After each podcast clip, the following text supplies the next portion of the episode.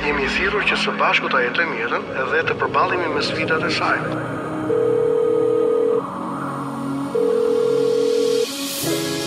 Unë jam pastor Akil Pano. Në Top Albania Radio vjen një program i folur për njeriun, familjen, shoqërinë.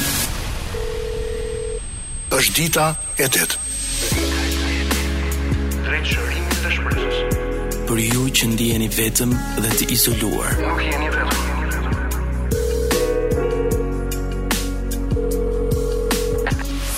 Jemi bashkë. Është dita e tetë. Të dashur miq, mi mbrëma, përshëndetje të përzemërta. Unë jam pastor Akil Pano dhe kam kënaqësinë e veçantë t'ju uroj në këtë mbrëmje një mbrëmje të bekuar pranë të dashurve tuaj të zemrës. familjarëve tuaj, mbase ndodheni në udhëtim në automjetin tuaj, mbase gjendeni në, në shtëpi tuaj. Ky është momenti për të pasur së bashku një komunikim ndërveprues. E pra ky program titullohet Dita e 8 çdo të mërkurë në orën 8 në darkë deri në orën 10. Ju ftoj që të ndërtojmë së bashku një komunikim ndërveprues mbi elementin thelbësor të jetës njeriun, familjen dhe shoqërinë, parë të gjitha këto përmes dimensionit shpirtëror. Sot do të vijojmë me temën të cilën në fakt e kemi nisur që nga e mërkura e kaluar, por për shkak se kishim pyetje, komente, informacion dhe shumë material për të komunikuar së bashku, sot do të jetë pjesa e dytë e temës të cilën e nisëm të mërkurën e kaluar, nën titullin Beqar apo i martuar, si të zgjedhim partnerin e jetës. Ka pasur shumë komente në Facebookun tim Pastor Akil Pano, në Instagramin tim gjithashtu. Dhe përgjatë gjithë këtyre ditëve jam ndier në borxh me komentuesit dhe individët të cilët ndjekin rrjetet sociale pasi nuk kam pasur mundësi kohë që të mund t'i diskutojmë dhe t'i trajtojmë përgjatë minutave të programit tonë në radio. Shpresoj që sot Do ta gjejmë kohën e duhur, sot është dita e përshtatshme dhe do të vijojmë jo vetëm thjesht duke lexuar pyetjet dhe komentet, por do të përpiqemi të gjejmë gjithashtu dhe përgjigjet. Në programin e kësaj mbrëmje do të kemi dy të ftuar. Do të kemi një psikologe dhe më pas do të kemi një beqar, një personazh të njohur në vendin tonë, i cili do të jetë këtu me mua për të treguar historinë e tij, pyetjet, frikrat, dilemat, dëshirat dhe të gjitha ecejaket e tij në rrugëtimin e tij jetësor. Por deri aty, nëse dëshironi të mësoni për dashurinë, mund të shihni një film romantik, mund të lexoni një libër me poezi dashurie ose një roman. Por unë kam bindjen që nëse vërtet dëshironi të mësoni për dashurinë, duhet të pregatiteni që të bini në dashuri. Tani të biesh në dashuri do të thotë së pari të dorëzohesh. Pra, kur bie dikush, dorëzohet në dashuri. Personi i cili dorëzohet, bie, nuk është më në kontroll. Kështu njerëzit kanë pasur të drejtë kur dashurinë e kanë konsideruar të verbër edhe naive. Pasi dashuria është një forcë e cila nuk zotërohet nga arsyeja. E mbase për këtë, është quajtur forca më e madhe në univers. Njerëzit të cilët dashurojnë, duhet të pregatiten të rrëzohen, të rrëmbehen, e mbase të zihen rob nga dashuria. Nëse ndonjëherë keni menduar se mund të zotëroheni prej saj, në fakt nuk keni bërë asgjë, veçse jeni nënshtruar dashurisë. Por nëse ndonjëherë keni menduar se mund ta zotëroni ju dashurinë, duke vendosur kufij matës, duke vënë atë mbi peshore, apo duke e disiplinuar të flasë një gjuhë tjetër, ajo nuk mundet. Dashuria gjithnjë do të flasë gjuhën e saj. Postulati i lashtë biblik zbulon një të vërtetë tjetër të madhe të dashurisë. Dashuria është më e fortë se vdekja. Nëse e përfytyroni dashurinë si qiell, pregatituni që ajo t'ju ngjisë në lartësitë e tij të pafund. Të shihni horizonte që s'i keni parë kurrë ndonjëherë më parë. Të mbusheni me ajrin e pandotur të tokës, të ndiheni si shpend që teksa hap krahët në fluturim, i thotë qiellit pushto çdo grimcë timen, Unë jam një me ty. Nëse e përfytyroni dashurinë si erë, dorëzojuni forcës së saj, fluturoni me erën. Nëse imagjinoni dashurinë si mëngjesin e një dite të re, atëherë zgjohuni me ëndrrën e agimit për të pushtuar botën. Miq, kurrë s'është vonë të pushtoni botën tuaj me dashuri. Gjithsesi, pyetja që i bëj vetes pas këtij momenti rrëmbyes teksa përpiqem t'i vë emër dashurisë është po arsyeja. Çfarë thotë arsyeja kur nis ta arsyetojë dashurinë? Le t'i japim sonte pak më shumë hapësirë arsyetimit, pyetjeve, përgjigjeve, historive njerëzore, madje një bisede me një psikologe të njohur, një bisedë e cila do të na shpjerë tek eksperienca njerëzore. Kjo është koha juaj me mua për të ndërtuar së bashku një komunikim ndërveprues mbi të vërtetat e mëdha, esenciale të jetës. Tema e këtij programi të sotëm në fakt është pjesa e dytë e temës, të cilën e nisëm të mërkurën e javës që shkoi. Titullohet beqar apo i martuar, nisur nga trendi në rritje i personave single në kulturën tonë. Vërtet mendova që ta trajtojmë këtë subjekt duke marrë në intervistë individë të cilët janë beqarë, madje nga ata beqarë të cilët e shikojnë veten e tyre, jetën e tyre të arrirë në shumë dimensione, në profesion, në karrierë, beqarë të lumtur. E megjithatë, të gjithë e dimë që ka beqarë të cilët janë në kërkim të partnerit të tyre të jetës. E tema vijon nën, nën titullin që thotë, si mund ta gjejmë partnerin e jetës. Po flisja për dashurinë. Ju tregova që dashuria është më e fortë se vdekja. Nëse përfytyroni dashurinë si qielli, pregatituni që ajo t'ju ngjisë në lartësitë e tij të pafund. Të shihni horizonte që s'i keni parë kurrë më parë, të mbusheni me ajrin e pandotur të tokës, të ndiheni si shpend që teksa hap krahët në fluturim, i thotë qiellit pushtomë në çdo grimcë timen. Unë jam një me ty. Nëse përfytyroni dashurinë si erë, dorëzojuni forcës së saj. Fluturoni me erën. Nëse imagjinoni dashurinë si mëngjesin e një dite të re, atëherë zgjohuni me ëndrrën e agimit për të pushtuar botën. Miq, kurrë nuk është vonë të pushtoni botën tuaj me dashuri. Gjithsesi, pyetja që i bëj vetes pas këtij momenti rrëmbyes, teksa përpiqemi t'i vëmë emër dashurisë, është po arsyeja Çfarë thotë arsyeja kur nis ta arsyetojë dashurinë? Le t'i japim sot së bashku pak më shumë hapësirë arsyetimit, i cili na shpie tek eksperienca njerëzore. A dini se dikush tha një herë, nëse doni të mësoni për dashurinë, atëherë pyesni dikë që ka eksperiencën e jetës. Karl Pilmeri, profesori i zhvillimit human në Universitetin Cornell, bashkë me ekipin e tij intervistuan mbi shtatëqind amerikanë që i përkisnin moshës nga gjashtëdhjetë e tre deri njëqind e tetë vjeç. Të gjithë ata u pyetën mbi pikëpamjen e tyre për dashurinë. Mesatarja e viteve të martesës së tyre ishte 43 vjet të martuar. Imagjinojeni, Unë kam 26 vjet i martuar dhe vijoj të jem i lumtur në martesën time. Mesatarja e këtij grupi të caktuar që u intervistua e, e viteve në martesë ishte 43 vjet. Pyetjet që iu drejtuan mbulonin një gamë të gjerë, që nga pyetja si të gjejmë njeriun e duhur, deri tek pyetja çfarë e ruan të ndezur flakën e dashurisë. Përgjigjet e pyetësorit u publikuan në librin me titull Tridhjetë mësimet për dashurinë, këshilla nga amerikanët më të ditur mbi dashurinë, marrëdhëniet dhe martesën. Autori i librit tregoi që kishte qenë e vështirë për të, të përshkruante me fjalë dashurinë dhe përjetimet e njerëzve të cilët kishin qenë të martuar prej 50, 60 apo edhe 70 vjetësh. Pothuaj të gjithë njerëzit që intervistova, thotë autori, vazhdonin të ishin të dashuruar thellësisht me njëri-tjetrin.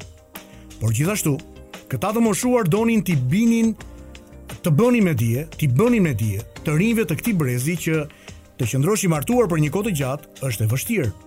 Në Amerikë vetëm 17% e çifteve të martuara kanë qenë të martuar prej 40 vjetësh. Tani dëshiroj të ndaj me ju miq prej këtyre mësimeve disa. Mësime të mëdha për dashurinë, mësime të mëdha se si mund të gjejmë partnerin e jetës, si mund ta zgjedhim atë, mbi ç'kritere, nëse ka të tilla. Mësimi i parë i madh. Karakteret e ndryshme mund të jenë tërheqëse në filma, por ato nuk janë partnerët më të mirë në martesë. Të moshuarit e intervistuar treguan që është më mirë të zgjidhni një partner që është më shumë si ju. Pra, në vend që të kërkoni të gjeni të ndryshmin tuaj, përpiquni që të gjeni të ngjashmin tuaj. Kjo do të thotë njeriun i cili ndan të njëjtat vlera, ka të njëjtat interesa dhe të njëjtën pikëpamje mbi jetën. Të kundërtat mund të krijojnë një lidhje emocionuese dhe jo të mërzitshme, mbase deri diku edhe një lidhje aventureske, Por një marrëdhënie që zgjat vite kërkon njerëz të cilët kanë personalitete, formim dhe të shkuar të ngjashme.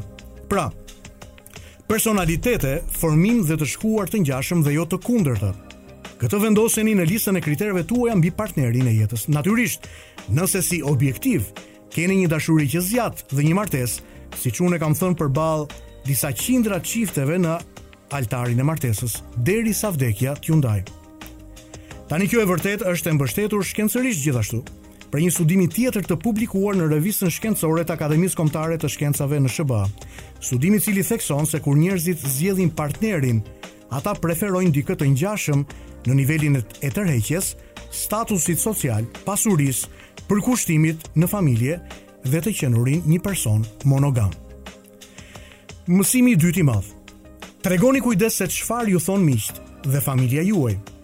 Duhet të konsideroni që nëse askush që ju do nuk e pëlqen partnerin tuaj, mund të kenë arsye të forta dhe të mira për këtë. Pra, nëse ata që ju duan paraqesin rezervat e tyre, mos kini një sjellje mbrojtëse armiqësore dhe mos u mbyllni brenda vetes, por dëgjojini se çfarë kanë për t'ju thënë. Një nga problemet e kësaj epoke, natyrisht në të cilën ju dhe unë nuk bëjmë përjashtim, është se njerëzit zakonisht nuk preferojnë të dëgjojnë. Kujdes nga mosdëgjimi miq, veçanërisht kur është fjala për çështje të mëdha të jetës. Nëse nuk doni të gaboni, bëni mirë të dëgjoni. Në fund të ditës jeni ju ata që vendosni askush nuk jua heq këtë të drejtë, këtë liri të madhe. Por përpara se të merrni një hap kaq të rëndësishëm, dëgjoni dhe merrni në konsideratë çka ju thonë ata që ju duan. Prindërit, miqtë, shokët. Mësimi i tretë i madh. Tërheqja fizike është e rëndësishme. Mbase kjo mund t'ju habisë, thënë nga një njeri si unë që në shumicën e herës, unë theksoj bukurinë e njeriut të brendshëm. Por së pari dëshiroj të mos më keqkuptoni, duke ju thënë, tërheqja fizike është e rëndësishme, nuk nënkuptoj atë që është e bukur për mua, është domosdoshmërisht e bukur për ju. Ligjet e tërheqjes mes nesh mbase Kemi vështirësi t'i arsyetojmë, por si qenie emocionale ne e ndjejmë gravitetin tërheqës të një personi që kemi pranë. Pikërisht, këtë thanë të intervistuarit e moshuar në librin e Pilmerit.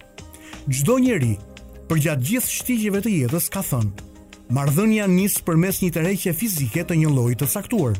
Pra, nuk do të thotë që duhet të jesh një yll kinemaje apo një yll i rënë nga qielli, sa i takon bukurisë fizike që të tërheqësh dikë. As nuk do të thotë që duhet t'i nënshtrohesh disa ndërhyrjeve estetike në fytyrë apo në trup që të tërheqësh dikë. Megjithëse kjo e fundit është kthyer në modë në Shqipëri. Natyrisht kujdesi për të qenë i shëndetshëm dhe elegant është i rëndësishëm, por për mendimin tim modestia dhe kripësia, po po kripësia, ajo që na karakterizon, ajo që na dallon nga persona të tjerë, janë ato që vlejnë më shumë. Në një kulturë fatkeqësisht silikoni, e cila është më shumë fasadë, ju lutem mos u konformoni me silikonin dhe me fasadën. Sot çka ka mbetur origjinale vlen më shumë. Nëse keni menduar se gjithçka e fryrë në trup, duke filluar me buzët, tërheq djemt më shumë. Mbase deri diku keni të drejtë, por kryesisht do të tërheqë djemt të cilët kërkojnë aventurën e një nate dhe jo përkushtimin e një jete me ju. Më lejoni që të ndaj mësimin e katërt. Mësimin e katërt se si të zgjedhim të sigurt partnerin e jetës. Bëni kujdes nga tipi i fortë dhe i heshtur. Në fillim ky lloj personaliteti mund të jetë tërheqës. Një mashkull indiferent, në dukje i fortë dhe i heshtur, gjithnjë përbën mister për femrën. Kur të moshuarit u pyetën përgjatë intervistimeve në lidhje me zgjedhjen e partnerit të jetës, ata thanë: "Është më mirë që të shihni për personin që flet, që e shpreh veten, sesa për personin që hesht. Jo gjithnjë personi që qëndron i heshtur nuk flet sepse është i mençur. Mbase nuk flet sepse është bosh apo inferior dhe me komplekse. Kini parasysh që kur të hasni vështirësi në një marrëdhënie, komunikimi i duhur është shumë më i mirë se heshtja e nënkuptuar. Partnerët duhet të jenë në gjendje të flasin, të bëjnë humor, të ndërtojnë një bashkëbisedim. Nëse jeni bashkë dhe keni dalë për të darkuar në një restorant, pyetja që unë do t'ju shtroj është kjo. A mund të qëndroni së bashku për rreth 2 orë dhe prap të flisni duke parë njëri tjetrin në sy? Apo jeni të heshtur me njëri tjetrin?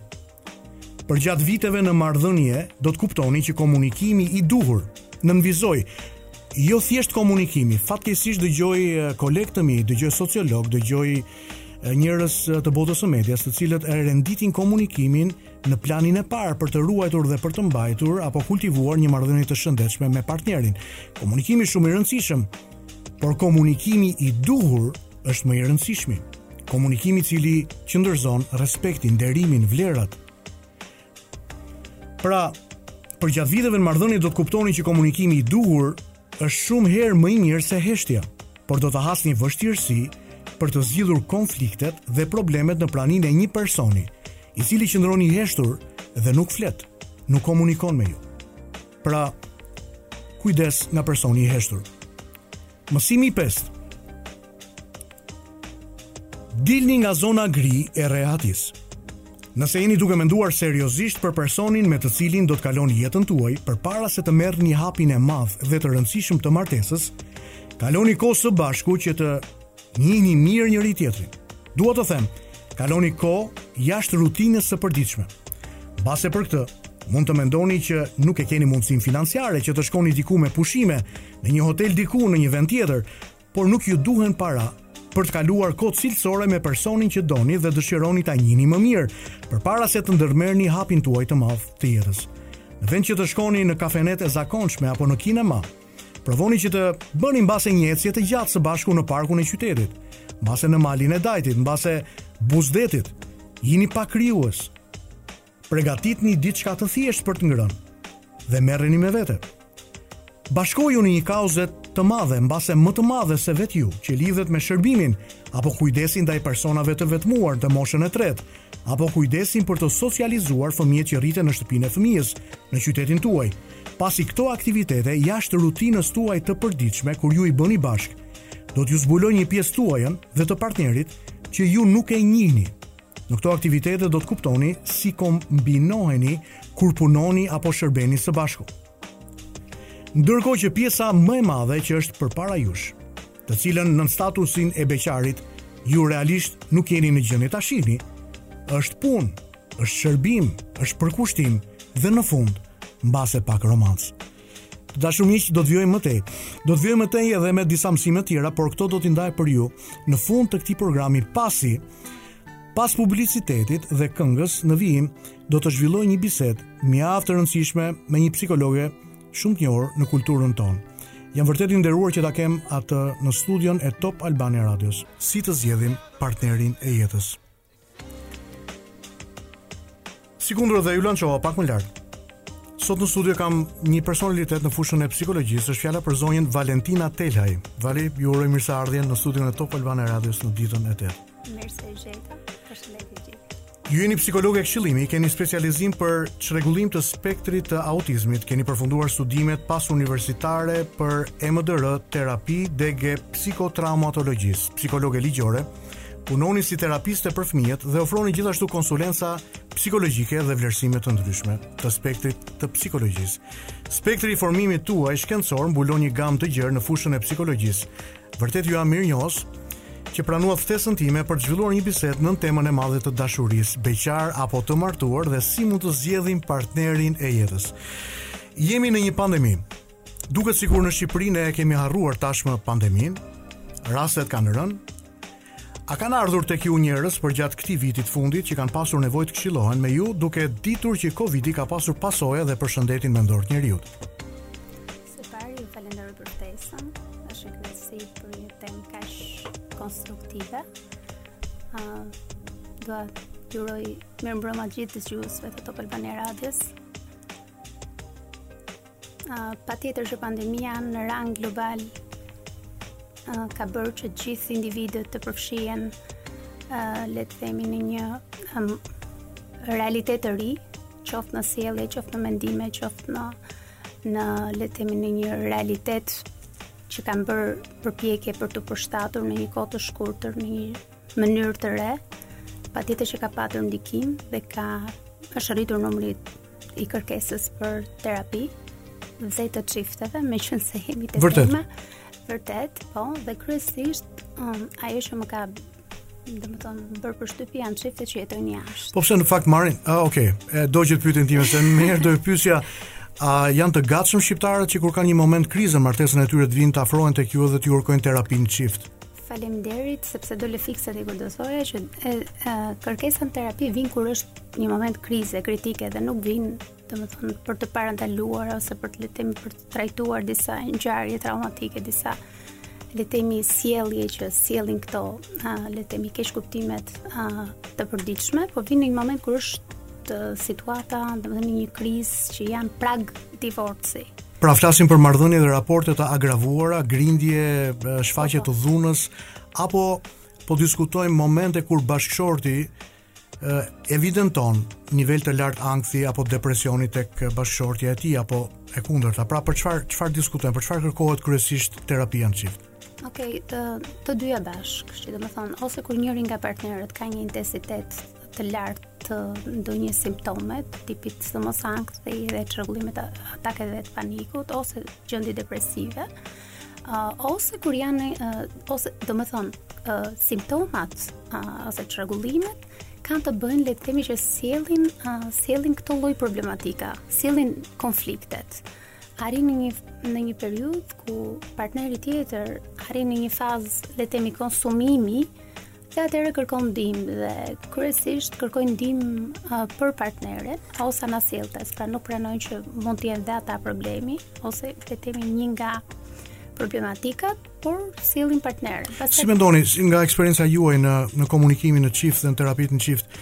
A shikojnë çiftet psikologun ndihmën për të marrë tek psikologu si hallkën e fundit për të marrë ndihmë apo në fakt është në fillim të hallkës. E keni parë, e keni evidentuar që të ketë burra të cilët nevojën, shqetësimin, problematikat e tyre në martesë i ndajnë me kolegët e tyre apo me një mik apo me një vëlla, sikundër edhe bashkëshortet, apo ne si shqiptarë jemi krenarë për të folur kryesisht për problemet tona dhe lëmë situatën që të agravohet, Dhe pastaj shikojmë psikologun si ndihmën e fundit. Uh, po, kryesisht vijnë këto lloj grupe, domethënë këto lloj çiftesh të cilat i kanë konsumuar me miq të afërt, me ku, me kushërinj, me familjarë të afërt dhe i fundit pak a shumë që është që zgjedhin për të për t'u konsultuar dhe për të ardhur në një konsult psikoterapeutike është psikologu. Mendojnë që po shkojmë njëherë edhe te psikologu. Uh, jo më larg nga para një orë e gjysmë isha në një konsult me një çift që jeton jashtë dhe për ata pandemia dhe ndikimi ka qenë edhe më i madh se duke qenë që janë të shkëputur totalisht, janë në një vend tjetër ku janë çift dhe me studime jashtë, ku duhet të përballen me shumë sfida, ku masat për periudhën e pandemisë kanë qenë edhe më të ashpra jashtë.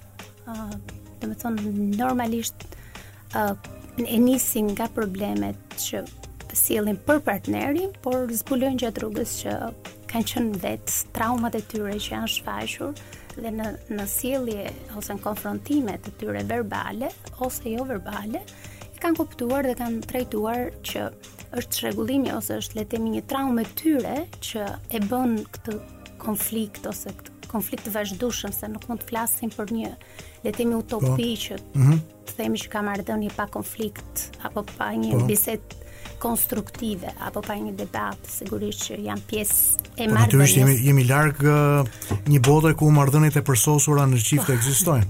Në qoftë se do të kishim pretendime që një çift jeton në Edenin, i cili në fakt ka humbur prej mijëra vitesh, pra në përsosje në marrëdhënie ka di, ka gjithnjë pikëpyetje lidhur me këtë me këtë marrëdhënie. Në fakt pyetja që unë do të vijoja është cilat janë problemet me të cilat çiftet kryesisht përballen sot. Nëse do përgjithësoja të paktën në eksperiencën time qoftë klinike dhe qoftë le të themi dhe si qytetare apo si vajzë e këtij vendi është që kryesisht ne kemi uh, le të themi probleme kulturore ndërbreznore. Pra përpiqemi që të Që do të thotë? Që të ndjekim një model të caktuar kryesisht. Pra babain e fortë Po, apo ajo figura autoritare, po, ndoshta mm. ai autoriteti të ndjekim modelin ose që ndikimet që mund të kenë moshat e treta tek nusja le të themi apo te vajza të, të cilat le të themi duan që të ndiqet pak a shumë një formë një formë ndonjëherë të imponuar se si duhet që të përcillet me patjetër. Unë nuk është se uh, jam uh, le të themi anti kësaj përcjelljes së një kulture, se një komb pa kulturë nuk mund të quhet një komb, por bota ndryshon, shoqëria evoluon. Domethënë njeriu nuk mund të përcjellë një djalë i viteve të shekullit 21 nuk mund të përcjellë le të themi një ose nuk mund të përshtatet në këtë shekull me me modele që ka pasur le të themi gjyshi vet. Po. Ose me forma komunikimi që mund të ketë pasur gjyshi i vet. Pa dashur gjithmonë të flasim për fenomen, jo për t'i përgjithësuar, po më shumë për t'i kuptuar disa le të themi gjëra specifike, sepse këto janë ato gjërat e vogla që ndërtojnë atë ortekun dhe pastaj bëhet ai. Pra, thënë ndryshe të gjithë hyjmë në një marrëdhënie, ajo krejt përmes një raporti singulariteti, pra nuk jemi vetëm ne, nuk janë vetëm dy individë, por Bashkë me ta, pa e kuptuar, hyjnë dy familje, të cilat mbarten në sistemin e pavetëdijes të këtyre individëve, pra në sistemin e tyre të vlerave, përqasjet e tyre të duhura apo të gabuara. Pra, po. kemi të bëjmë me po po themi dy entitete të ndryshme, dy individë të cilët mbase kanë përqasje krejt të ndryshme për jetën, për dashurinë, për vlerat, për antivlerat, për besnikërinë, për marrëdhënien për komunikimin me fëmijët apo për raportin e tyre me financat. Tani po hyjmë gradualisht brenda temës. Një, një pyetje që unë doja ta, ta trajtonim pak bashkë. Vite më parë në kulturën shqiptare, dëgjonim që ishte shumë e rëndësishme që të merrej gjithashtu dhe një lloj ë uh, poje apo një lloj konfirmimi nga prindërit lidhur me zgjedhjen e partnerit, shokut apo shoqes së jetës. A e shikoni që ndërsa shoqëria shqiptare ka evoluar dhe natyrisht jetojmë në një epokë që njihet si postmodernizëm. E shikoni që të rinjtë e sotëm kanë një vesh të hapur për të dëgjuar prindërit lidhur me idenë e disa elementeve që mbase nëse do t'i dëgjonin, do të kuptonin disa arsye të rëndësishme për të zgjedhur partnerin e tyre të jetës prej prindërve. Ah, një pyetje shumë interesante, por nga ato që përmendëm edhe pak më parë, mm, edhe sikur nuk e kanë në mënyrë të drejtpërdrejtë këtë veshin e hapur, e pavetëdijshmja e tyre ka instaluar disa sjellje, disa modele, një kornizë të caktuar. Megjithatë, kjo sa vjen dhe le të themi po rrëzohet. Ah, dhe le të themi po thyhet kjo korniza kaq e ngurtë dhe ka një qasje ku të rinjtë zgjedhin lirshëm partnerin e tyre, por që ka ndikim në disa raste. Jo gjithmonë, jo në çdo rast kuptohet. Përpara disa natyrisht para rreth 2-3 vitesh kur djali im ishte akoma i vogël, djali është beqar. Mm -hmm. Edhe është i lumtur, është akoma i ri, është djali i mamit të vet, edhe djali i babit. Është në shpi me ne. ë uh, përpara disa vitesh kur ai ishte rreth 18 vjeç, pra 4 vjet më parë, 5 vjet më parë. ë nëse unë jepja një këshillë, menjëherë në majë të gjuhës ishte unë e di. Nuk ka nevojë të ma thuash, unë e di këtë gjë. Mhm. A mendoni se kjo unë e di, pra një lloj mbyllje për të dëgjuar prindërit lidhet me moshën apo lidhet me kulturën aktuale pavarësisht moshës? Të dyja bashkë. E para njëherë që mosha e adoleshencës ka tendencë që të le të themi të kundërshtojë figurat autoritare siç mund të jenë le të themi prindërit, mësuesit, le të themi kanë dëshirë të shprehen dhe të rebelohen në mënyrë siç është bërë ky rebelim i këndshëm dhe i shëndetshëm. ë uh, Kjo është ok për moshën e caktuar. Sigurisht që kjo ka një ndikim edhe një prindërimi pozitiv në gjykimin tim, nga stilet e prindërimit që gjykoj që keni përdorur një stil pozitiv, se po. përderisa ai ka po. një, le të themi një rebelizëm të shëndetshëm, ku të vëri kufin personal dhe ndërpersonal, ka thënë që e di vetë e ka di. Dakor, dakor, dakor. Ë çfarë mendimi keni lidhur me idenë e e kësaj deklarate, që sapo do të dëgjoni tani, qëndroni bashkë për arsyet e duhura, pasi sipas uh, investigimeve të mia dhe informacionit që unë disponoj, një pjesë e mirë e personave të cilët kanë kaluar përmes Më shumë se sa një divorci, kur u pyetën se çfarë kishin bërë gabim, u përgjigjën se kishin qenë të lidhur, pra kishin qenë në një lidhje për arsyet e gabuara. Çfarë mund t'i themi sot sonte këtë mbrëmje dëgjuesve beqar? Dhe ju e dini që në Shqipëri trendi i qenurit single është në rritje. Lidhur me arsyet e gabuara për t'u lidhur me dikë. Uh, në fillim uh, unë nuk mendoj se për t'u lidhur ka arsye të gabuara. Një lidhje është një lidhje që mund të jetë afat shkurtër, mund të jetë afat mesëm dhe afat gjatë. Uh, trendi i këtij shekulli ka sjellë që edhe bashkëjetesën, që është një qasje shumë e mirë për të njohur më mirë se me kë ke të bësh dhe se të njohësh kufijtë e partnerit ose partneres. të njohësh limitet, të gjitha këto kanë rëndësinë e vet për të mos shkuar te kjo lidhje e gabuar dhe të qëndruar okay. le të themi në një lidhje. Po nëse unë do ta pasuroja pak më shumë pyetjen, duke ju thënë se nëse një vajzë lidhet me djalin për arsye të famës së tij apo parave të tij, a është kjo një arsye e drejtë për t'u lidhur? Absolutisht jo, kjo është një qasje që që pa dashje, mm -hmm. uh, uh, me media nuk mund të them po rrjetet sociale po. përcjellin këtë keq modelim. Mm -hmm ku mendojnë që njerëzit më të rëndësishëm janë ata që janë të famshëm apo ata që janë blogger apo që kanë ca like të caktuara dhe nuk bazohen te vlerat e tyre. Kjo ka të bëjë me vetëbesimin dhe vetëvlerësimin, gjë që duhet të punoj vajza, meqenëse e solle po, shumë po, konkret, po, vajza me veten, të pranoj veten për atë që është, ta vlerësoj veten për atë që është Dhe Dhe çfarë do bëj vajza, do të kërkoj të gjej dikë që është disa shkallë përtej statusit të saj social, kulturor, ekonomik apo do t'i rekomandonit më mirë që të gjej dikë i cili është brenda ë uh, po themi botës së saj kulturore, botës së saj të formimit, të prejardhjes, edhe mbase të nivelit financiar. Sepse do të një hendek shumë të madh nëse do të sjellë le të themi një individ që nuk nuk është le të themi brenda asaj kornize uh, le të themi që ajo është mësuar të rritet, që ajo mund të pranojë. Nuk mundet, domethënë madje një çift të tillë në po. terapi e kam patur ku një gocë shumë e mirë, një gocë inteligjente, mm, kish mbaruar një shkollë të caktuar, me nota të shkëlqyera dhe kishte një personazh shumë të njohur. Ëm të famshëm. Po. Flasim për fenomenin edhe mhm. për ruajtjet e konfidencialitetit e individit. ë që do të thotë marrëdhënia e tyre vinte gjithmonë duke u përkeqësuar. Përkeqësuar sepse normalisht vajza ishte mësuar me një tjetër model, me një tjetër uh, vlerësim formë për... të ndërvepruarit, mm -hmm. sepse aty duhej për shkakun të bënte le të themi xhirime një avrresht mes një sërë vajzash, ndërkohë për këtë ishte një qasje po vajzat të cilat, Vali, po vajzat të cilat lidhen me lidhen menjëherë, nxitojnë të lidhen menjëherë me dikë pas një ndarjeje të dhimbshme. Menjëherë, mbase për të xhelozuar personin me të cilin kanë qenë lidhur apo për të ose si shpëtim të shta. Po? Mund të kenë një le të themi një. Po është kjo një arsye, është kjo një përqasje e duhur për t'u lidhur me dikë? Jo, absolutisht. Është një lloj sikur se të bësh. Po çfarë do t'i rekomandoni ti? Dy lëndime njëra mbas tjetrës. Do t'i rekomandoni që Të merrte pak kohë. Okej. Okay. Po, jepi kohë mhm. vetes, puno me veten, cilat ishin nëse mund të thuash ato gjëra që nuk funksionuan, nuk mund të themi gabime, nuk ka mhm. gjëra po. të gabuara, por gjëra që nuk funksionuan në lidhje. Unë mendoj që ka gjëra të gabuara gjithsesi. Ëh, çfarë nuk funksionoi po. në në lidhjen e parë, çfarë ishte diçka që nuk shkoi me me ju të dy, çfarë janë pritshmëritë e tua, çfarë janë pritshmëritë e tjetrit dhe duke duhet të njohësh veten radhë të parë. Çfarë ti mund të pranosh dhe deri ku ti mund të Të jesh i gatshëm të të lësh ato kufijt e tu. Atëherë, atëherë, ë uh, vajza, shpresoj që po na ndiqni edhe po na dëgjoni. Nuk e di se si për uh, apo ju pëlqen apo jo biseda apo çfarë rëndësie ka. Ne po ndajmë për ju edhe për djemt disa të vërteta, disa receta Për t'ju ardhur në ndihmë, për t'i ardhur në ndihmë shëndetit tuaj emocional, shpirtëror, jetës tuaj, që gabimet që mbase janë bërë në të shkuarën të mos ripërsëriten dhe ju të rimëkëmbeni dhe të hyni në raport, mbase një raport të ri të panxituar për të mos u prirur që të përsërisni të njëjtat gabime si më parë.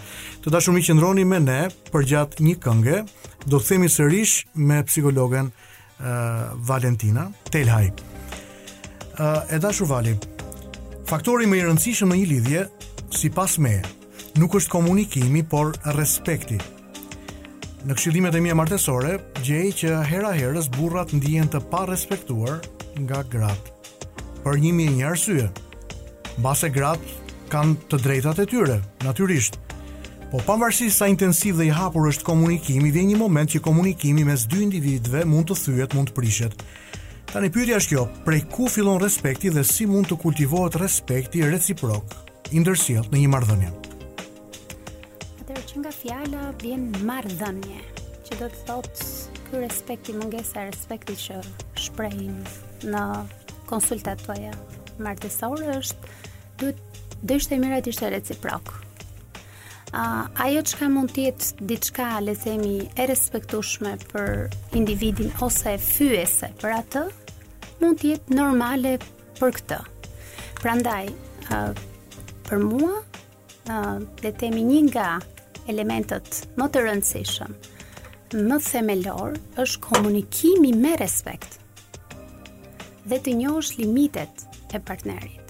Në momentet ku secili nga ne ka ato, le të themi momente dobësie, ku mund të dalë nga vetja, ku mund të ngrejë zërin, ku mund të jetë në një moment frustrues dhe mund të themi mund të reagojë në një mënyrë le të themi jo uh, jo adaptive. Atëherë, um, nuk po themi se është një formë recete, po mund të jetë një nga elementët se mirë do ishte të kishim një recetë ose një protokoll se s'do kishim kurrë mm -hmm. konflikte. Por një nga momentet, një nga le të themi elementët më të rëndësishëm është të ndalim, t'i japim kohë.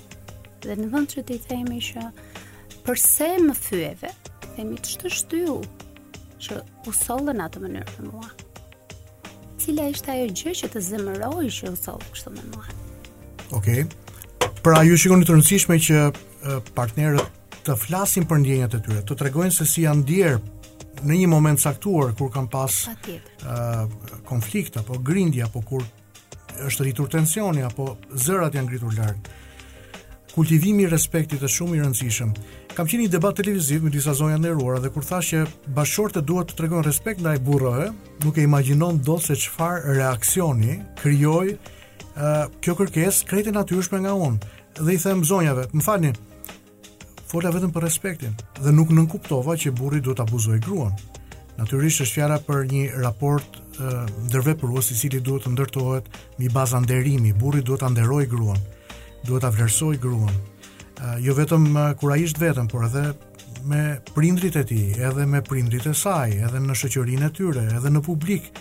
Dhe natyrisht burri do të marrë përgjegjësitë e jetës, sepse fatkeqësisht jetojmë në një shoqëri ku është një pjesë e mirë e burrave nuk marrin përgjegjësitë që duhet të marrin në martesë. Por e si për t'u kujdesur. Po, po. Sa e rëndësishme është e vërteta dhe të folurit hapur në një marrëdhënie dhe kur e vërteta dhemb. E vërteta është gjithmonë e rëndësishme, e vërteta është ajo që asnjëherë ti nuk ke një konflikt brenda vetes që mund të pulsosh me disa sjellje, me disa simptoma të caktuara. Ë, nëse je që në fillim i vërtetë, realist, ë, i respektueshëm, respekton limitet, ndërton një marrëdhënie të shëndetshme dhe nisesh me synime për të patur një një marrëdhënie afatgjate, nuk shkon pastaj nuk shkojnë kryesisht gjërat pastaj te të vërteta që mund të jenë të dhimbshme. A ekziston kulturën tonë vallë që vjehrra ose mamaja e bashkëshortes, më mirë, e mëson bijën, jo të gjitha mamat. Po. Por a ka mama të cilat mësojnë bijat e tyre, por mbase edhe edhe shoqe, edhe kolege, të cilat i thonë një një zonje të martuar që shiko, qëndro e hapur me bashkëshortin, mund t'i tregosh gjëra, por jo gjithçka. Ekziston ky fenomen në kulturën tonë? Po ekziston gjyshet tona kanë pas thënë gjëra të ngjashme.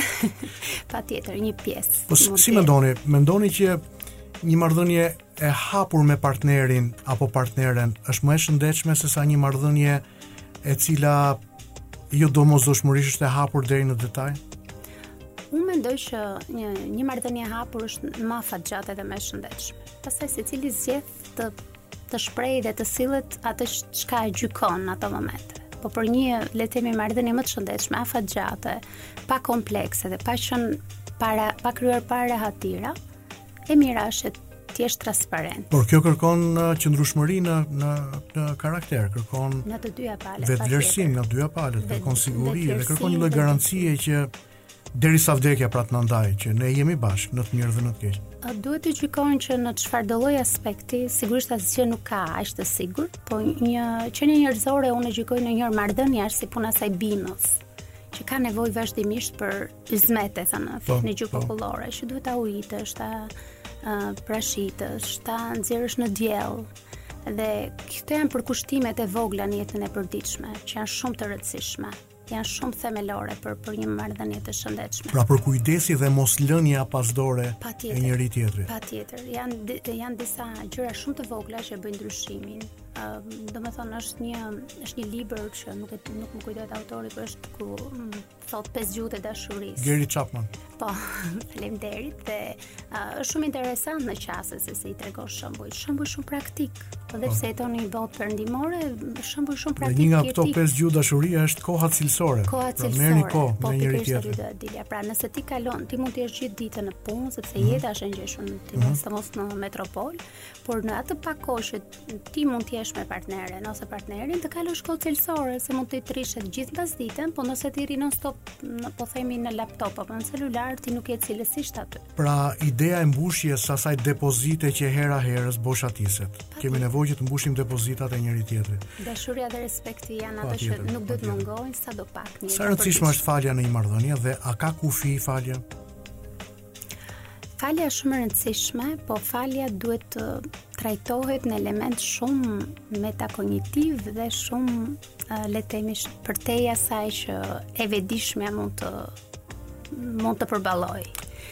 A a ekziston ishte pyetja a, a ka kufi? A ka kufi falja sipas jush? Çdo gjë e ka një kufi.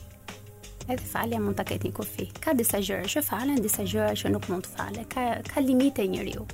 I vë vetes disa limite. Dhe këto janë deri diku të shëndetshme. Ka që mund dhe mund fjale vjetë për baloj, se ka Mendoni se, pikërisht këtu, mendoni se uh, ka disa shenja që paralajmërojnë rrezik në një marrëdhënie? Pra pak a shumë mungesa e respekt, e, e respektit, e komunikimit, e vëmendjes, e komunikimit cilësor, mm. domethënë neglizhimi, po. dhuna verbale, dhuna psikologjike, emocionale. Domethënë të gjitha këto pra, të gjitha këto janë shenja që paralajmërojnë rrezik. Kur janë intensive, Në një moment të po. dobësie të gjithë mhm. mund të dalim ndopak nga vetja. Po. Uh, nuk jetojmë siç tha në botë idealiste. Ne po themi që për, kur këto gjëra bëhen intensive, njeriu ka nevojë të frenojë dhe të fillojë të shikojë se çfarë nuk po shkon mirë, nga po buron gjithë kjo gjendje. Zonja Valentina është në fakt interesante sa herë që tema dhe biseda bëhet më interesante, ne kujtohemi që vjen momenti për të mbyllur bisedën, pasi edhe koha është shumë komfort dhe nuk na lejon shumë hapësira që të vijojmë më tej. Dëshiroj t'ju falenderoj përzemërsisht dhe besoj që komunikimi ynë ka qenë shumë cilësor dhe keni dhënë, keni ndarë për publikun e Top Albania Radios, dëgjuesit e dashur të kësaj radioje. Mendime, këshilla, receta shumë të rëndësishme për martesën dhe natyrisht për ata që kanë vesh për të dëgjuar, si mund të zgjedhin partnerin e jetës. Më lejoni përveç se t'ju falenderoj dhe ishte një kënaqësi për juve dhe për gjithë dëgjuesit e Top Albania Radios, të jap dhe një shembull të filozofit të madh Sokratit, ku thoshte që Për të martuar martohuni. Ose do bëheni të lumtur ose filozof.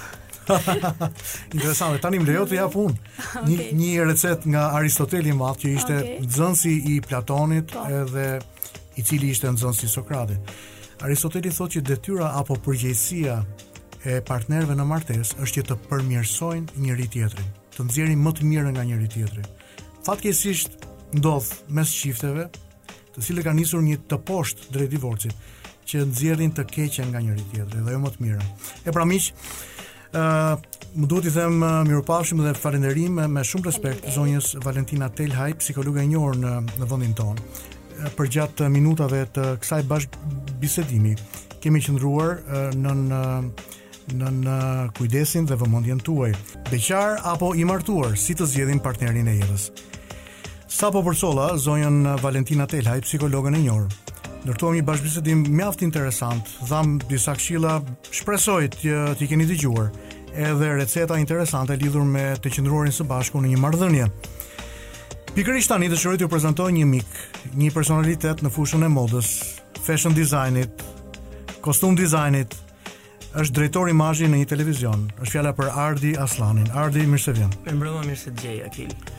Të falenderoj që iu përgjigje ftesës sime jo, pozitivisht. Jo, ishte, ishte, ishte shumë mirë, ishte shumë mirë sepse uh, m'u desh që të kisha aty aty përtej xhamit gjatë kohës që po bashkëbisedoje në momentet e fundit me Valentinën, uh, psikologen dhe m'u duk Ok, jam tani jam në gjendje, jam në një gjendje të mirë, domethënë për të qenë për të qenë pjesë e intervistës. Dhe pse mendoj Valentina e kishte shumë më të thjeshtë sepse ishte në jo në konotacionin privat. Edhe këshillat gjithmonë mbeten ë shumë të mira kur nuk prekin personalen. E me gjithë këtë, të gjithë kemi nevojë që të shprehim vetveten. Patjetër, edhe, edhe psikologja, edhe pastori, edhe filozofi, në fund të ditës, përtej materialeve që ata kanë nxënë gjatë eh, jetës së tyre, në fund jemi të gjithë vetvetja, të gjithë shprehim veten.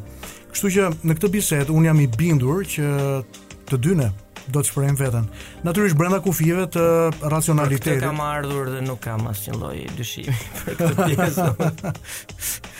Ëh, Ard, ju në fakt jeni edukuar në Shqipëri dhe në Itali. Keni përfunduar? Unë jam unë jam edukuar në Itali, për hir të vërtetës, domethënë mhm. në qoftë se quajmë edukimin, edukimin e shkollës po. lart, po. do të thotë, mhm. akademik. unë e kam kryer në Domus Academy në Milano. vitet janë shumë të hershme sepse bëhet fjalë për n nga 96-a deri në 2000-shin.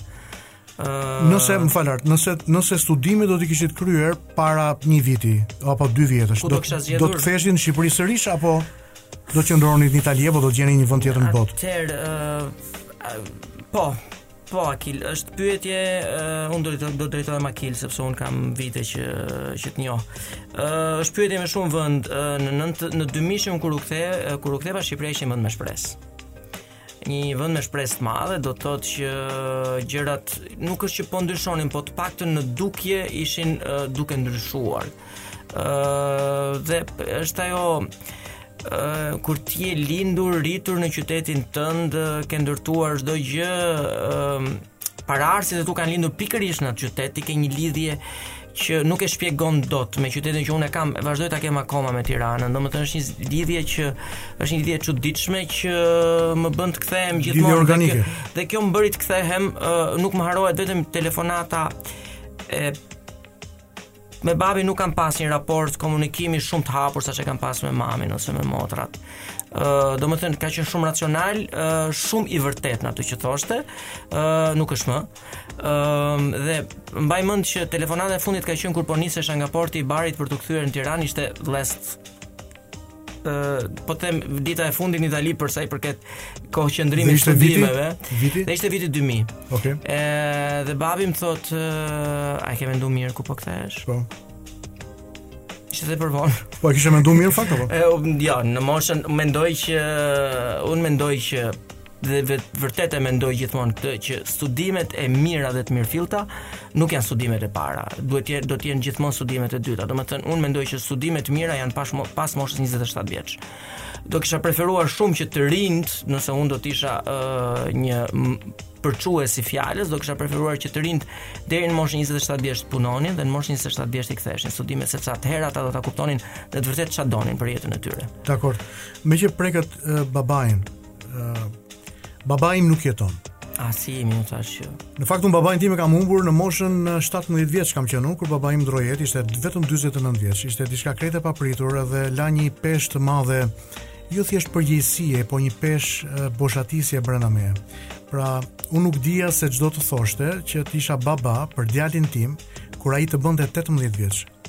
Pasi modeli i babait. Ishte nuk ishte më. Ishte fikur, pra, ishte nuk ishte më aty. Nuk ishte më. Mendoni që në kulturën tonë kemi të bëjmë me mungesën e etërve, pra mungesën e prekjes së babait. Kryesisht kemi baballarë, të cilët rrisin bijtë apo bijat e tyre, por është nëna në fakt ajo e cila shpenzon më shumë kohë me fëmijët, pasi kemi një baba të munguar për jo, shkak të punës. Jo, nuk është kjo, nuk është kjo. Babai im ka qenë zyrtar dhe për hir të vërtetës nuk ka qenë nga këto baballarët që ishte i dhënë dhe për hir dhe për kohën që kemi jetuar nuk ishte shumë opsione kafenesh po. qëndrimi po. e kohë të tejzgjatur domethënë jashtë shtëpie babai ishte një një prind që jetonte shumë kohë në shtëpi por siç kemi janë këto praktikat uh, alla shqiptarçe pra, themi domethënë babai komunikon një mesazh tek biri përmes jo nënës, babai apo? tek ne komunikonte vetë babai por babai zgjidhte momentin e duhur për të komunikuar Dhe unë tani që kthehem dhe flas, do të kisha bërë të njëjtën gjë që ka bërë babai im me nëse do të kisha fëmijët e mi. Po. Për të vetmen arsye sepse sa herë kthehem, ë uh, më çudit një fakt Akil. Domethënë unë kam humbur babain, kam qenë 29 vjeç. ë uh, dhe uh, më çudit gjithmonë një fakt që kur i kthehem tani them ë uh, shumë shprehje të babait, shumë uh, forma uh, këshillimi ose edukimi në formën e tij. Uh, ndoshta jo ashtu me hugs, me përqafime, me me puthje të tejzgjatura, me fjalë të mira, me fjalë inkurajuese ose uh, mbështetëse që të çonin përpara, po në formën e tij strikt uh, dhe duke të kërkuar ë më të mirën që ai të kishte dhënë gjatë viteve sepse për hir të së vërtetës për mundësinë që kishin na kanë dhënë më të mirën e mundshme. Po. ë uh, unë kthehem dhe gjej pikërisht veten në ato fraza. Ndoshta është fakti që ato kam njohur, por ë uh, mendoj që janë më të mirat për ta për t'i dhënë mundësi mundësinë fëmijës për t'u ndërtuar vetë. Është për shkak se babai jeton në ty, është tek ty, është modeli i babait, këtë, është modeli i këtij prindërimi. Këtë nuk e kam, këtë nuk e kam, uh, këtë nuk e kam uh, bërë dall, dallimin akoma, por në të vërtetë nuk do unë kam qenë fëmija i tretë i familjes. Uh, do të thotë uh, kishin kaluar dy faza edukimi po, brezash, po. uh, me nga 5 ose 6 vjet diferencë me njëri-tjetrin fëmijët. dy motra përpara unë isha fëmija i tretë djali dhe mendoj që tek unë ishin kishin mbërritur për të për të kuptuar se si duhet të jetë. Duhet A, a të mungon babai sot, Art? Mua më mungon babai. Jo, unë do doja ta po, kisha përballë dhe ta shija në sy edhe të pija një kafe me të. Për këtë po, Për këtë po, për pjesën për pjesën e mbarvajtjes së jetës nuk di të them.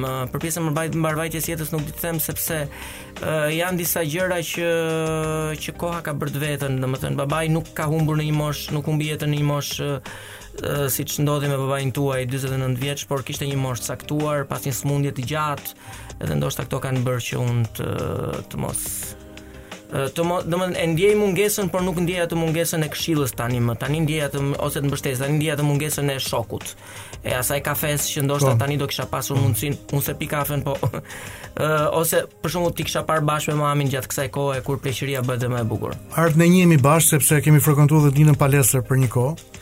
Uh, Unë si brez më raport... i vogël të njoh ty sepse ti kemi studiuar në të njëjtat shkolla po, edhe si brez më po, i vogël ke gjithmonë tendencë po, të mbajtur mend po, uh, më të rriturit. Ard ë uh, Ça po mendoje të thoje? Po mendoja të thoja këtë që kur djali im lindi, Xhonatani, që sot është 22 vjeç, dhe unë e mora në dorë, edhe po e shikoja, duhet t'i tregoja gjithë botën. në mënyrë që ta ruaja nga bota, ta ruaja nga përballja, ta ruaja nga zhgënjimi, ta ruaja nga, nga gjithçka. Mirëpo shiko se çfarë ndodhi kur dëgjova të qarat e tij.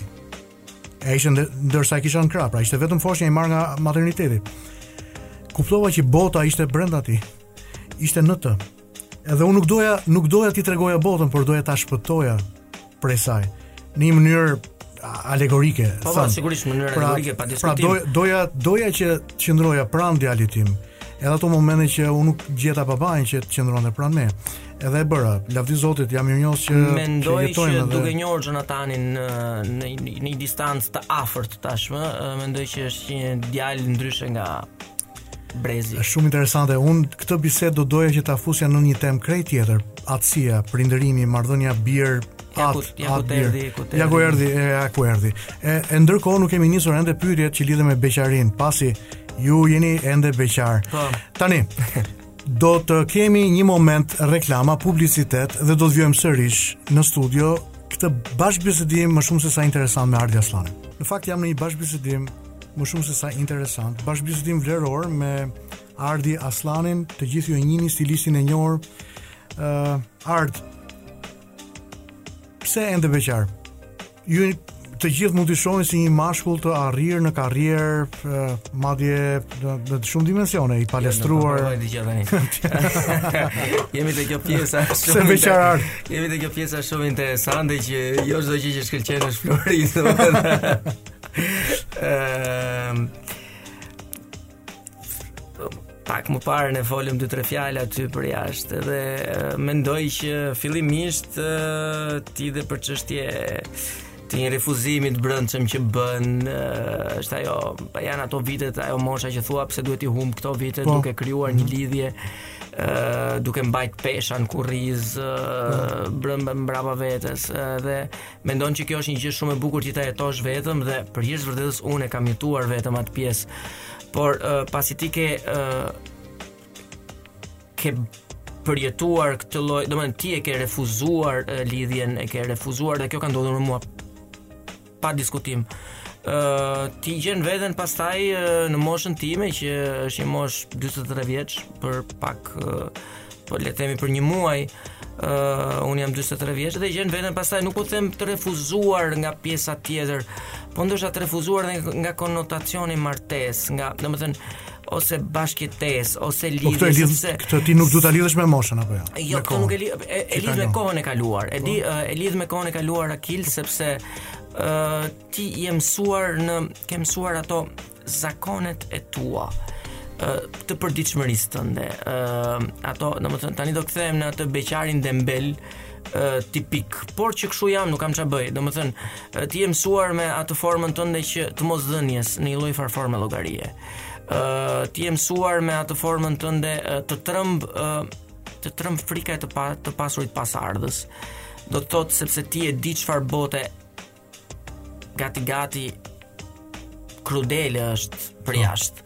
Ë dhe ë a duhet ti vërtet të sjellësh një fëmijë në këtë botë të cilit ndoshta nuk ke mundësinë 100% për po ta, t'ia krijuar. Po ta mendosh për një moment, është në fakt bota që ne kemi ndërtuar, ë, bota jonë është. Po pa diskutim, po ë uh... Megjithëse është e tillë, është mizore, po, është po, po, hera-herës. Po, po, pa diskutim, pa, pa diskutim, po desha të them që nuk kam bërë asgjë të keqe për këtë botë. Po. Por që ndërkohë që ndërkohë që po, po bëhesha gati për ta thënë, mendova që edhe unë i kam bërë të këqijat e po, mia kësaj bote. Kështu që mm, kështu që ndodh kjo gjë. Po mirë shiko, koha, koha është mësuesi më i mirë. Nuk është që jam krenar. Koha është mësuesi më i mirë. Pra deri tani ju keni akumuluar eksperiencë, eksperiencë. Mësuesi më i mirë është eksperienca përmes kohës. Po, po, pa diskutim. Po mirë, vjen një moment 43 vjeç. A keni menduar që do të jepni një moment fund beqarisë tuaj? Po, po, po. Po, pa diskutim, kjo është pa diskutim, por ë uh, e di se do të them, do të them Është shumë e bukur kjo, është shumë popullore, nuk ka po. fare lidhje me filozofinë, po. do do do do ta bëj komplet, domethënë tironcit siç jam edhe unë, po. ka një shprehje. Duhet me u bë 5 minuta budalla. Dhe më dhe në momentin që është ai, është ai momenti që mendoj që nuk vjen prej nesh, vjen po. zbret, unë mendoj që zbret nga lart. është ai momenti që në momentin që Çfarë thonë vajzat që të dëgjojnë ty dhe mua që të dëgjojnë ty tani? Çfarë thon vajzat? Në fakt, dëgjoj, dëgjoj.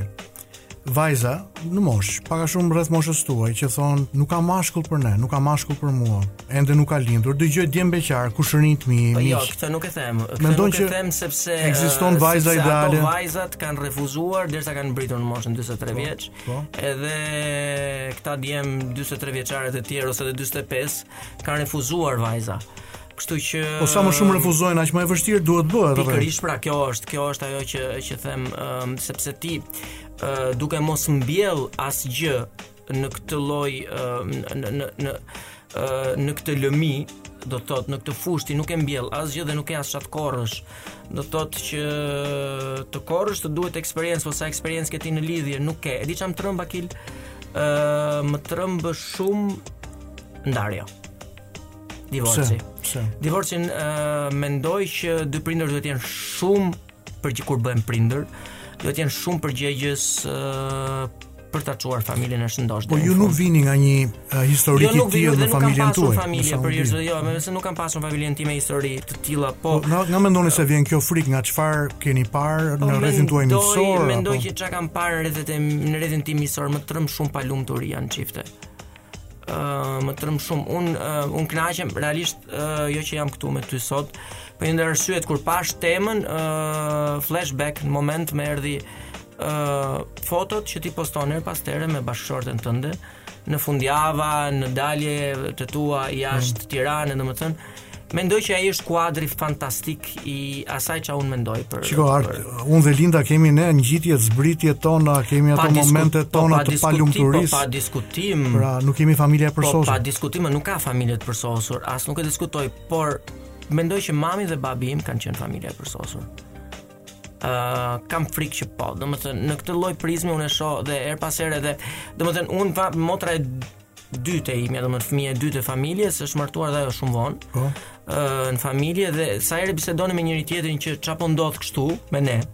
Do të thoshte kemi përpara idealet dhe po. kërkojmë idealizimin. Tani tani është frikë nga dështimi për të hyrë në një marrëdhënie kuptimplotë, një po. marrëdhënie e formalizuar po, martese po, apo është dëshira për ta shijuar sa më shumë lirinë e mbetur jo, jo para jo, nuk, nuk, men, nuk mendoj fare këtë gjë për dëshirën, unë mendoj që e kam kam ndjek çdo etapë të të dëshirës për liri, të harbimit tim personal, palestror, në veshje, në dukje dhe një ditë them që po, mendoj që do kisha qenë një bashkëshort dhe prind i përkushtuar. Art, a të pyet mamaja, Kur ta sjellësh vajzën, kur ta sjellësh nusen në shtëpi. Këtë raportin e kemi shumë qytetar në familje. Për hir të së vërtetës, domethënë shumë e çuditshme kjo gjëja, por uh, unë nuk e kam dëgjuar e kisha vajzë, ë, po. uh, do ishte vajzë motra ime përpara, mm -hmm. përpara meje dhe u, u martua në moshën 43 vjeçare. Edhe mm, nuk e dëgjova kurrë që ta pyesnin familja që ça po ndodh me ty, kur do ta sjellësh Pra, nuk është presioni jo, i zakonshëm që dëgjojmë përmes presionit në familje. Domethënë mendoj që familjarët familjarët mamin kam. Po, po. Mamin dhe motrën tjetër në Tiranë mm -hmm. dhe mhm. motrën tjetër në New York që jeton tani këtë që sapo flisja. Ëm um, mendoj që më e rëndësishme është lumturia dhe e, ajo lumturia që ti dhuron sa del, domethënë botës që të përket ja, brenda shtëpisë dhe jashtë shtëpisë. Më e rëndësishme se sa fakti të, të ndërtosh një raport për hir të një zakoni që duhet ndërtuar. Në fakt unë po mendoja për lumturinë dhe si studius i filozofisë që nga Aristoteli, i cili e deri diku e fetishizon lumturinë në termin eudaimonia, pra lumturia të qëndrosh i lumtur, të jetosh i lumtur, të rrokësh lumturinë si niveli më i lartë i përpjekjeve njerëzore, unë kam kuptuar që lumturia nuk duhet të shndërrohet në qëllim në vetvete në një marrëdhënie në një martesore apo në një marrëdhënie me dikë, duhet të jetë produkti bio i asaj marrëdhënie, por jo qëllim në vetvete. S'e kam provuar, do të thënë thashë jam pa eksperiencë te kjo pjesa, po ta kisha provuar do ndaja të njëjtin mendim ndoshta me ty. Atëherë unë thjesht të nxis dhe të inkurajoj që të marrësh hapin, hapin jashtë zonës tënde të rehatisë. E bukur kjo, në studio. Te radio A, a e ke stiluar vajzën ideale? Dhe çfarë është për ty vajza ideale? Më mirë, më mirë kështu. Po unë uh, më bëj një përshkrim. Profesioni im lidhet me imazhin për hir të së vërtetës. Ëm um, Edhe um, gjithë njerëzit do mendonin që për mua do të kishte qenë uh, trupi, syri, dora. Po, po cila është vajza ideale për Artin?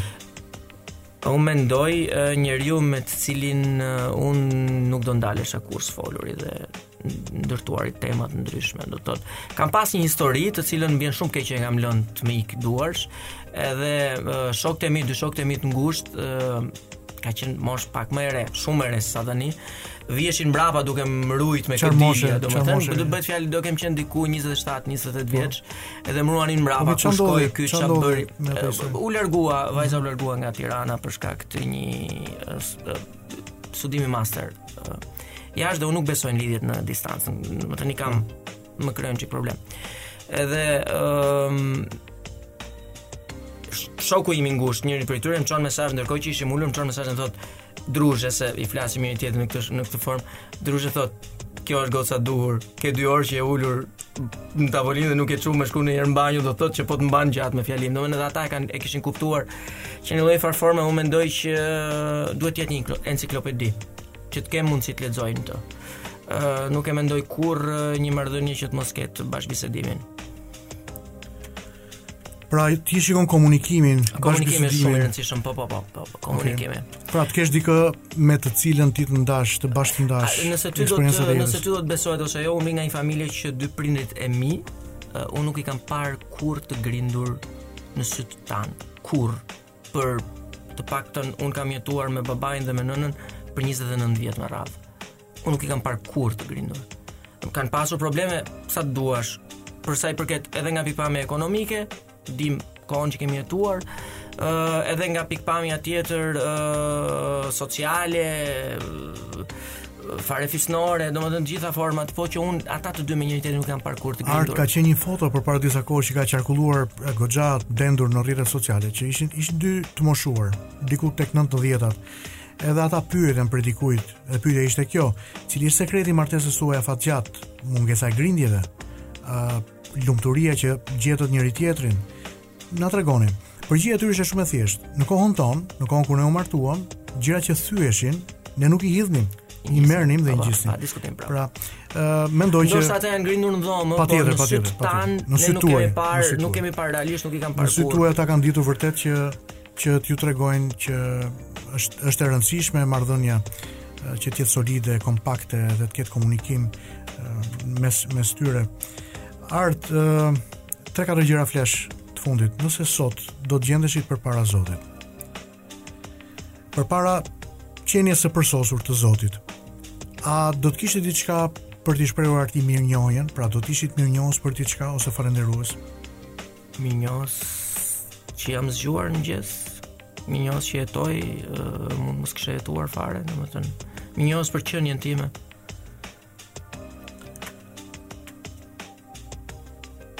A ka diçka për të cilën ti Art do të kërkoje falje?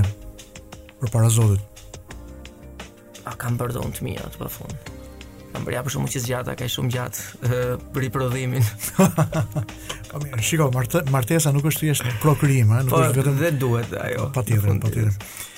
Atëherë nëse përpara Zotit do të kuptoje që për ty ekziston mundësia e një rifillimi, një rikthimi mbrapsht për ta nisur jetën nga e para, ku do ta filloje dhe çfarë do të bëje ndryshe Ardi Asllani? Nuk di të them. Ë, uh, di të them që shumë njerëz thonë do kisha bërë të njëjtën gjë që kam bërë gjatë gjithë rrugëtimit tim. Unë them që besoj shumë gjëra do kisha bërë ndryshe. Ndoshta edhe duke nisur nga profesioni. Do zgjidhni një profesion po, tjetër. Po, do të do zgjidhni një profesion tjetër, po pa diskutim, po. Po. Çfarë? Po s'e di diçka ndoshta më konkrete, më pak uh, profesioni im është pak në ajër, shumë kreativ. Uh, ndoshta unë jam një njeri që di të punoj, di të përkushtohem, kështu që mund të kisha punuar diçka tjetër. Dhe pse nuk them që jam i i zhgënjyer nga forma, po ndoshta uh, implementimi i profesionit tim në Shqipëri, në Shqipërinë që u ktheva, ishte pak e vështirë në fillim dhe është pak i vështirë gjatë këtyre viteve për hir të së vërtetës, ku ka shumë uh, Kumkulli. Ardi të falenderoj nga zemra dhe besoj që bashkëbisedimi me ju i ka dhënë dritë disi uroj shumë. Shumë njerëzve që janë uh, relativisht uh, përreth moshës tuaj dhe janë ende single, janë beqarë. Një mesazh të fundit, mbase një fjali për ta. Okej, okay. martesën mos e shohim martesën si betejë, vetëm kjo është gjithë çështja, domethënë nuk e di, domethënë në, në fund të ditës është një etapë që ja për shembull Akili e ka provuar unë jo. Por duhet të fillojë nga vetja. Po duhet të fillojë nga vetja pa diskutim. Atëherë të dashur miq, mbërrijmë në momentin e fundit të mbylljes së së kësaj mbrëmjeje së bashku në Dita e Tetë. Por përpara se të vijoj me ju, dëshiroj t'i them Ardit Ard, të falenderoj edhe një herë. Faleminderit. Edhe lutem që Zoti të të bekojë. Të të ruajë, të të mbrojë dhe qofsh i bekuar në të gjitha rrugët e jetës. Mezi pres të të shoh të martuar me familje, se shikoj që dashuri, dëshira është në ty. Faleminderit shumë. Atëherë dashur miq, edhe një herë dëshiroj t'ju falenderoj për kohën që shpenzuat me mua dhe me të ftuarit e mi këtë mbrëmje. Ishim duke trajtuar çështjen e madhe i martuar apo beqar. Si mund të zgjedhim partnerin e jetës? Më vjen tmerrësisht keq edhe sot nuk patëm mundësi që të lexoj edhe të ndaj me ju komentet e Facebookut dhe rekomandimet e mia veçanërisht flamujt e kuq për të dalluar se cili është personi që duhet dhe nuk duhet zgjedhur. Rekomandime të tilla nuk mungojnë, mbase herën tjetër. Deri atëherë, deri të mërkurën që vjen nga unë, Pastor Akil Pano. Mirudëgjofshim.